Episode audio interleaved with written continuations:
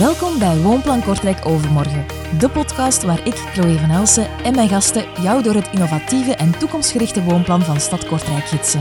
Het Woonplan van Kortrijk heeft als doel de stad te helpen groeien naar een meer duurzame, leefbare en verbonden woonstad met aandacht voor groene ruimtes, betaalbaarheid en kwaliteitsvolle woningen voor alle generaties. In elke aflevering verwelkomen we experts en beleidsmakers om hun inzichten en ervaringen te delen. En om te bespreken hoe Kortrijk de stad van de toekomst vormgeeft. In deze aflevering staat groei centraal. We horen Wout Maddes, schepen voor bouwen, wonen en stadsvernieuwing van Stad Kortrijk, Linda Boudry, voormalig directeur van het kenniscentrum Vlaamse Steden, en Leo van Broek. Hij is professor, ingenieur-architect en voormalig Vlaams bouwmeester. Welkom, Wout, Leo en Linda. Fijn dat jullie hier aan tafel zitten om samen het uh, woonplan van Stad Kortrijk uh, te bespreken. Leo en Linda, jullie hebben dat uh, met externe ogen gelezen, dat plan. Wat viel, viel jullie op? Dat, dat, het, dat Kortrijk een stad is die op zijn minst al een van de weinigen is die al de juiste vragen stelt. Dus de ambities zitten goed, maar ik denk dat er veel meer data nodig is. En dat de ambities misschien nog iets hoger mogen, om te zorgen dat we echt wel de problemen die op ons afkomen kunnen oplossen. Uh, wat, mij opviel, ik ben hier toch al ondertussen twintig jaar bezig met die stad, uh, die een tijd gestagneerd heeft. Uh, wat mij bijzonder plezierde toen ik de, de data las, is dat die 20, 35-jarigen de weg teruggevonden hebben. En ik denk dat daar goede aanleidingen voor zijn. omdat ik denk dat dat nodig is in een in een dynamische stad, dat je dat segment ook uh, nodig hebt en aantrekkelijk moet voor je zijn. Wat mij ook opviel is uh, dat men uh, toch inzet op levensbestendig wonen. als ik kijk naar de demografische, ik begin er zo stilletjes aan ook bij te horen, en Leo ook trouwens. Dat gaat alleen maar toenemen, hè, de 60-jarigen, de, de plus 80-jarigen. Dat is zeker in de steden heel erg aan de orde. We gaan daar antwoorden moeten op verzinnen. Uh, want mensen willen ook uh, langer onafhankelijk en autonoom zijn. Linda haalt de groei onder de, de jongeren, de starters aan, Um, hoe komt dat volgens jou? Wat maakt de stad Kortrijk zo aantrekkelijk voor die starters? Wel, wij stellen ook vast dat er een nieuwe stedelijke dynamiek is. En inderdaad, wanneer dat we eigenlijk 20 jaar terugkijken, misschien 25 jaar, de kentering de aantrekkelijkheid van de, de steden, laten we maar zeggen de centrumsteden in, in Vlaanderen. Lange tijd heeft Kortrijk daar achterop gehinkt. En eigenlijk de uh, omslag en de groei is er maar gekomen, zeer voorzichtig, sinds 2007. Maar ik zou zeggen, sinds een tiental jaar is er ook een mentale omslag gekomen. Een gevoel van, Kortrijk is er veel mogelijk mag ik het uitdrukken met een uitspraak van een uh, cultuurminnaar, um, uh, Willy Malisse, die ooit Kortrijk omschreef als een uh, stad van de patisseriecultuur. Wel, daar zijn we van afgestapt en er is nu veel meer mogelijk in, in, Kortrijk. En dat gevoel is er en op die dynamiek willen we mm -hmm. verder groeien. En wat is meer? Er is meer mogelijk in Kortrijk? Maar er is veel initiatief mogelijk op, op diverse terreinen. Hè. Wanneer dat we straks spreken over wonen en groei, dan is dit uh, eigenlijk de symbiose van alles. Hè. Niet zozeer van huizenbouw, maar evenzeer van het culturele aanbod, de beleving in uw stad. En dit alles uh, moet ook omslaan in een, in een goede, wat ik dan noem, stedelijke mentaliteit. Het heeft ook veel te maken, denk ik, dat men heel kwaliteitsvol ingezet heeft op publieke ruimte. Mhm. Ik denk een van de allereerste projecten die we hier gedaan hebben, zijn de leienborden en alles wat daar, Buda, uh, ja, dat je dat elke mogelijkheid die men had, heeft men wel aangegrepen. Ook die bruggen, die fietsbruggen. Uh. Ik denk dat dat klopt, maar dat het vooral ook komt omdat je vanaf een bepaald moment de kritische massa hebt om, om stedelijkheid aan te bieden op een ander niveau. Er is heel veel groei geweest, ook in onderwijs. KU Leuven, Ho-West hebben hier serieus uh, stappen gezet om jonge mensen aan te trekken, waarvan er een aantal blijven plakken nadien. Hier is ook meer tewerkstelling.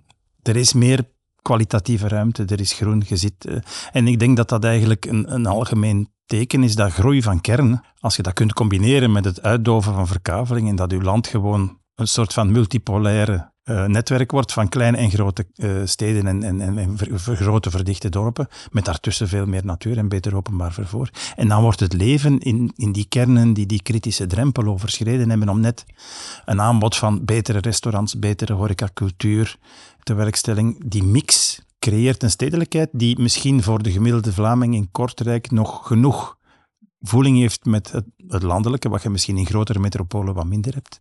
Een goede mix om, om die mensen aan te trekken we zijn het erover eens dat we groei ook kunnen zien als iets wat dan niet zo beangstigend hoeft te zijn. Hoe moeten we groei dan wel zien volgens jullie? Of wat betekent groei dan? Ik, zie dat alleen maar als positief. Er zijn bijna geen voorbeelden van als je tenminste georchestreerd hebt. Als het u niet overkomt, want dan krijg je die aanstoemelings ontstane problemen van verloedering enzovoort. Als je aan het stuur zit als maatschappij en je kiest ervoor, gaat hetzelfde fouten.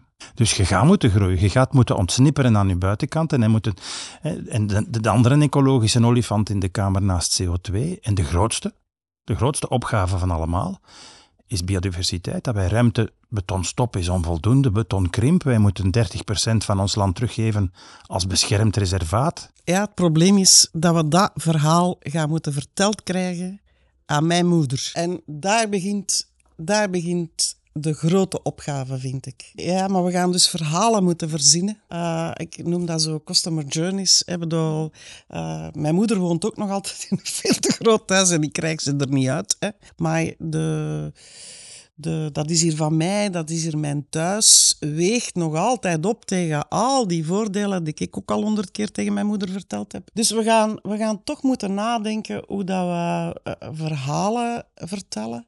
Twee, ik denk, uh, we gaan ook moeten zorgen dat dat een, een rechtvaardige omslag is. Ik bedoel daarmee, ik ben nu zelf zonnepanelen aan het leggen. Dat kost 14.000 euro. Ik krijg 700 euro premie.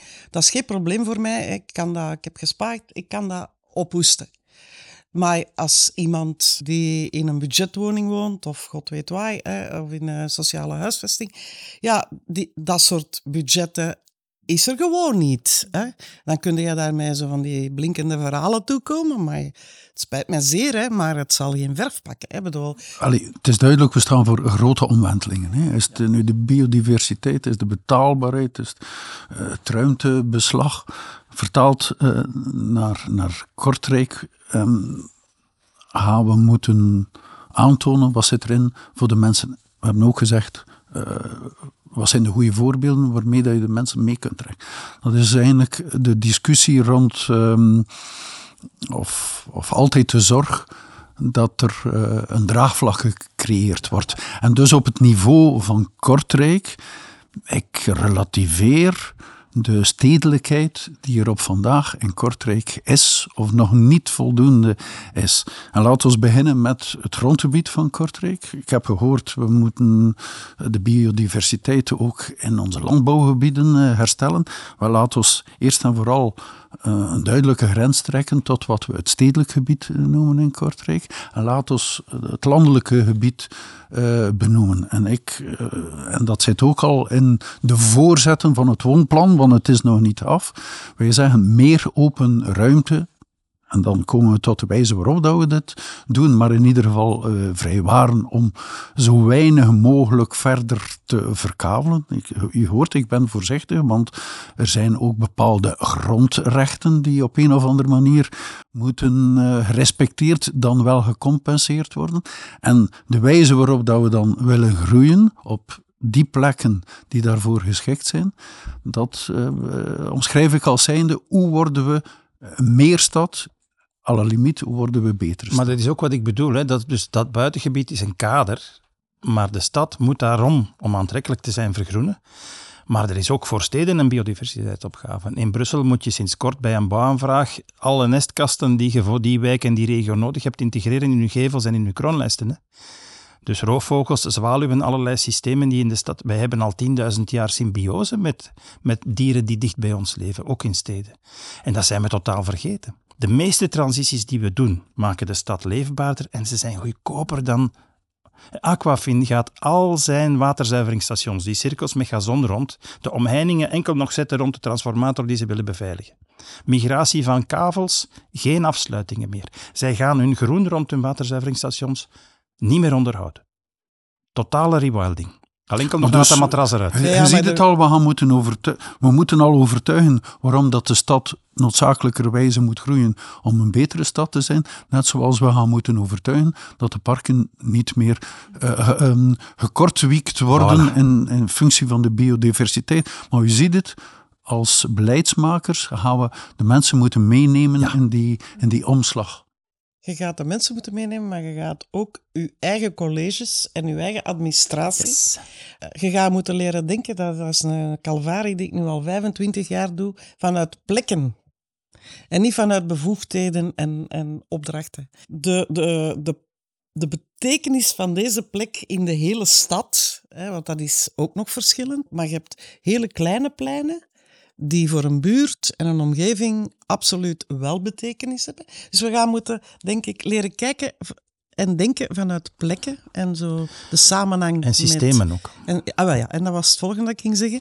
Er zijn een aantal dingen die systemisch, en dat heb je ook al opgenomen in, het, in uw voorzet van Woonplan, vind ik. Hè. Zo, er zijn dingen die stadsbreed hè, eh, moeten. Eh, en er zijn ook de biodiversiteit bijvoorbeeld, wij hebben dat eens bekeken. Wij zijn dikwijls de, de doorsnijders van routes en van alles met de steden. Dus omdat, hè, dus we gaan moeten kijken vanop de plekken. En dat betekent dat eh, ruimtelijke ordening en mobiliteit en wonen en eh, allemaal zich gaat moeten bundelen rond die plek. En er, er zijn plekken die armaturen zijn, de leienborden. Je hebt ze daarnet vernoemd. Ik heb het u vijf of tien jaar geleden nog gevraagd. Zeg, hoe lang duurt het voor een eend terug uit het water kan? Want die leienborden hebben allemaal een meter hoge betonnen rand en gazon. Dus er is daar nergens een hoop struiken en riet en watervogels en dingen die aan land kunnen komen. Dus dat is misschien ook al... Het is al een tijdje afgewerkt, de leienborden. Dat is misschien klaar voor hier en daar een interventie voor rewilding. Dat er terug oevers zijn die in contact staan met het water waar je als mens niet met bootjes kunt gaan aanleggen en waar er terug wat leven in. Want eh, dat is wel zo voor en na Kortrijk, in de boven- en de benedenloop van de, van de leien, maar door, in, in, in, in, de, in de leienboorden zelf is dat redelijk mineraal, die rand. U hebt er straks gezegd, we moeten goede voorbeelden aangrijpen om te kunnen inspireren en de mensen mee te krijgen op, op andere plekken. Maar inderdaad, wij kunnen nu verwijzen naar eh, wat eh, de dynamiek geweest is van een goede aanpak van de leienboorden, om eigenlijk te zeggen, diezelfde kwaliteiten willen we op andere plekken in onze stad doen. En die andere plekken hebben we inderdaad al benoemd vanuit een ander proces dat we gelopen hebben en dat geleid heeft tot het, het ruimtepact. En die plekken waar alle kwaliteiten van de stad zouden kunnen samenkomen, die hebben we de magneten genoemd. En een volgende magneet die we in- willen aanpakken, is per definitie eigenlijk eh, het toppunt van eh, stedelijkheid, met name een steenweg, een, een Voilà. invalsweg. Wel, die willen we op basis van dezelfde kwaliteiten, maar uiteraard twintig jaar later met alle nieuwe uitdagingen van en bij, biodiversiteit, van mobiliteit, van verdichtingsoefening, willen we nu loslaten op een nieuwe as in de stad die we op dezelfde kwalitatieve manier willen invullen. En dat is van het station tot Hoogkortrijk. En daar gaan we eigenlijk dan terug naar een uitdaging. En u ziet het, eh, de geschiedenis herhaalt zich qua uitdagingen. 30 jaar terug heeft Sekki ooit de Noord-Zuidas uitgesproken in, eh, als, als een eh, stedelijke ontwikkeling. Wel, 30 jaar later moeten we de oefening opnieuw doen, maar op basis van de inzichten dat we ooit een verbinding moesten maken tussen Hoogkortrijk en het centrum van de stad. En met alle uitdagingen die er nu zijn, moeten we dat op een goede manier doen. De eh, inwoners van Kortrijk die hebben wel een heel diverse woningvraag. Hè. Er is nood aan verschillende soorten van wonen. Hoe eh, kan groei daarop een antwoord bieden? Ik denk dat groei een kans is om te zorgen dat je geen monofunctionele gebouwen en woningen meer maakt. En dat je probeert om ook het aantal verhuisbewegingen. We zijn in ons land de traagste verhuizer van Europa. De gemiddelde Europeaan verhuist drie tot vier keer in zijn leven, de Belg maar één tot twee keer. En dus, want die, die diversiteit is gekoppeld aan levensfases, gezinssamenstelling. We hebben een toename tegen 2060, is twee derde van de Vlamingen single. Dus dat betekent dat je nog transities gaat krijgen binnenkort in je woonaanbod. Dat je misschien bouwaanvragen moet maken waarbij bij de plannen van een aanvraag voor een kantoor de plannen van de inrichting als wonen er al bij moeten zitten. dat je kunt aantonen dat je gebouwen herbestembaar zijn. Want we moeten circulaire gebouwen gaan maken. En dan opnieuw zie je dat die groei een kans is om die aanpasbaarheid, die diversiteit, het op tijd verhuizen naar een woning die bij je levensfase past, betaalbaarder wordt, gemakkelijker wordt en de stad aangenamer maakt. Mhm. En specifiek voor Kortrijk, wat zijn daar de ambities? Eerst en vooral wil ik zeggen dat we eigenlijk tamelijk comfortabel zitten in Kortrijk. Want we hebben te veel ruimte om alle ambities die we hebben zelfs op te vangen. Dus we hebben de luxe van dit te kunnen uh, goed doen, want er is ruimte te over. Dus en wanneer inderdaad toekomstbestendig uh, gebouwd moet uh, of kan worden, dan hebben we bij uitstek een aantal plekken waar we dit op een goede manier moeten doen. Ik verwijs naar de site van Marken, 17 hectare op 800 meter van het station. Dat is de kern van uw, van uw stad, de kern van ook uw toekomstige stad, een nieuwe stadsontwikkeling. Dus mijn vraag is daar, op welke manier doen we dat zeer goed? Mhm. Wat ik de opportuniteit vind, uh, is dat we met zoveel alleenstaanden uh, gaan wonen. En ik, uh, ik, ben echt geschrokken van de week. Eh, dat, wordt, dat wordt zelfs de meerderheid in Bommerskonte ook. Mm -hmm. bedoel, dus dat zal voor onze steden helemaal naar redelijk hallucinante percentages gaan. Maar dat geeft meteen ook de mogelijkheid om andersoortige woningtypologieën te maken. Hè. We al, dat, je, dat je kunt eh, individuele ruimte, want uh, dus uh, zo alles gedeeld, dat pakt hier geen verf in Vlaanderen. dus maar dat je voldoende individuele ruimte hebt, maar dat je tegelijkertijd ook genoeg gedeelde ruimte hebt. Mooie, creatieve en intelligente oplossingen hoor ik hier.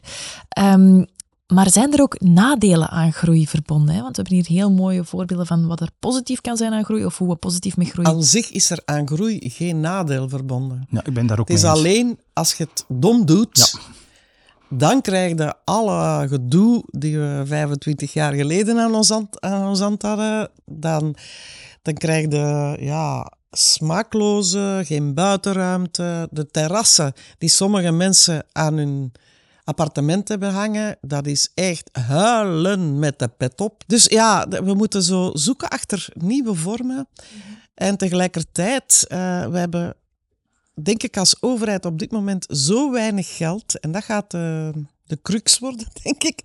Dat we gaan en moeten rond energie en rond uh, groen en rond uh, enzovoort enzovoort. We gaan nabijheid van voorzieningen kritische massa aan voorzieningen. We gaan openbaar vervoer in de buurt moeten hebben.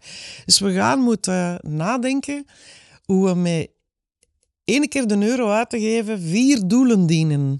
Wat ik vooral hoor is dat er, als er uh, lang en goed wordt nagedacht over hoe groei mogelijk gemaakt wordt, dat dat eigenlijk geen nadelen kan hebben. Dat er Alleen maar voordelen. Enkel goede groei. Het als je over alle aspecten van een goed leven ja. Ja. Uh, meeneemt, dan uh, en, en daar dan nog het narratief, hè, Ja. want dat is echt uh, levensbelangrijk, Ja. daar het narratief kunt rondvertellen, dan is er Mhm. aan groei geen enkele... Mhm. Want daar wil ik ook nog even op terugkomen, Linda. Dat is iets wat je in het begin ook van ons gesprek ook hebt aangehaald. Het verhaal is heel belangrijk, dat dat ook niet alleen in de hoofden van de mensen klopt, maar dat het ook in de harten mensen raakt. Hoe zijn jullie daar eh, de Kortrijksaan aan het meenemen in het, eh, in het woonplan?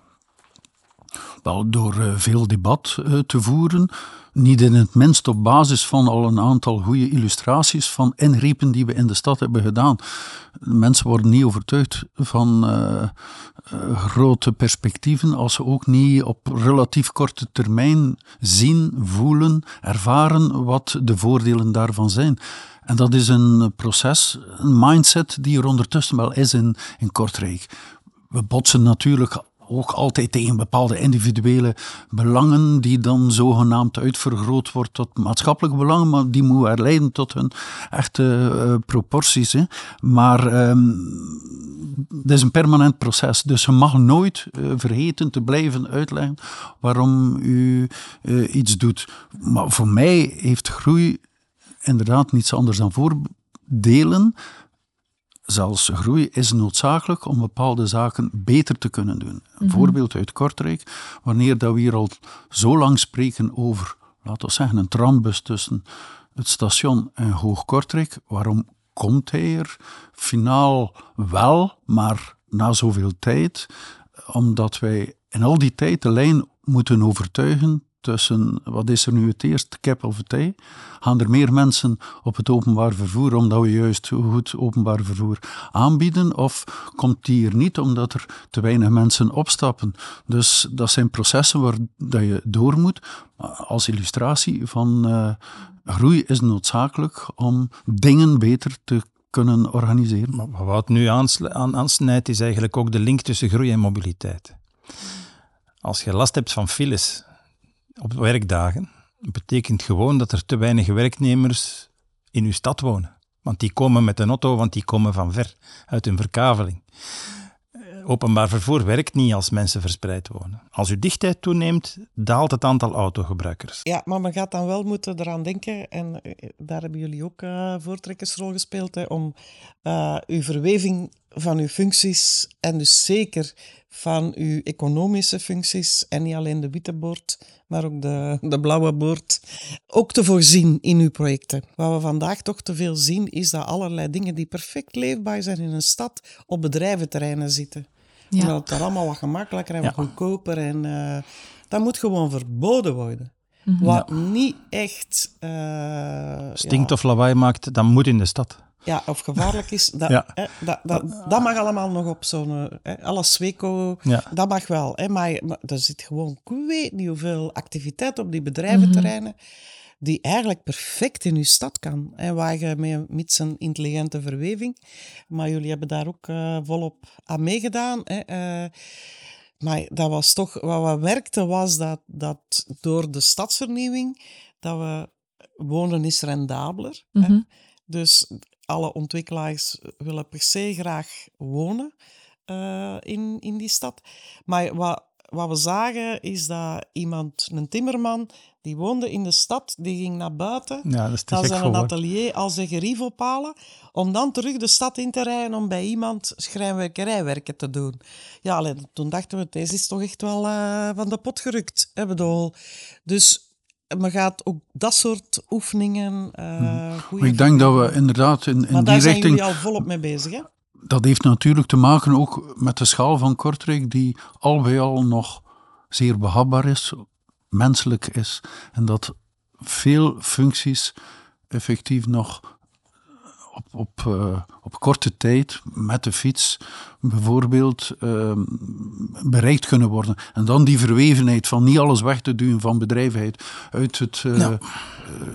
uit, uit de woonkernen, maar tegelijkertijd zorgen dat ze ook mm. niet voor overlast we zijn daar al geruime tijd mee bezig en, en, en dit, dit lukt. En dat heeft natuurlijk ook te maken met het feit dat we zorgzamer moeten omspringen met de ruimte. Het is niet zo dat er nog veel greenfields aan te snijden zijn. Dus de oude industriële sites die vaak achter of binnen bouwblokken zitten, ja, kunnen ergens ontpit worden, maar tegelijkertijd kan die bedrijvigheid er wel uh, ja, blijven. Weliswaar op schaal van de buurt, op ja, ja, maat van, uh, maar er van zijn, de mensen. Er zijn transities begonnen in alle steden in ons land. We hebben net een project opgeleverd in Anderlecht, waarop een bedrijventerrein binnen de ring van de stad twee lagen logistiek zijn gebouwd en een gebouw van 200 meter lang op 40 meter breed. Twee keer. Met een voorstraat voor camions en een achterstraat met groen. En op dat dak van dat bedrijventerrein, van dat gigantisch gebouw, een gigantische daktuin met vier appartementsgebouwen van vier lagen, die daar een dakakker hebben, die daar groenten hebben, speeltuinen op dat dak hebben. Die komen langs de andere kant, die moeten niet langs de straat van de camions.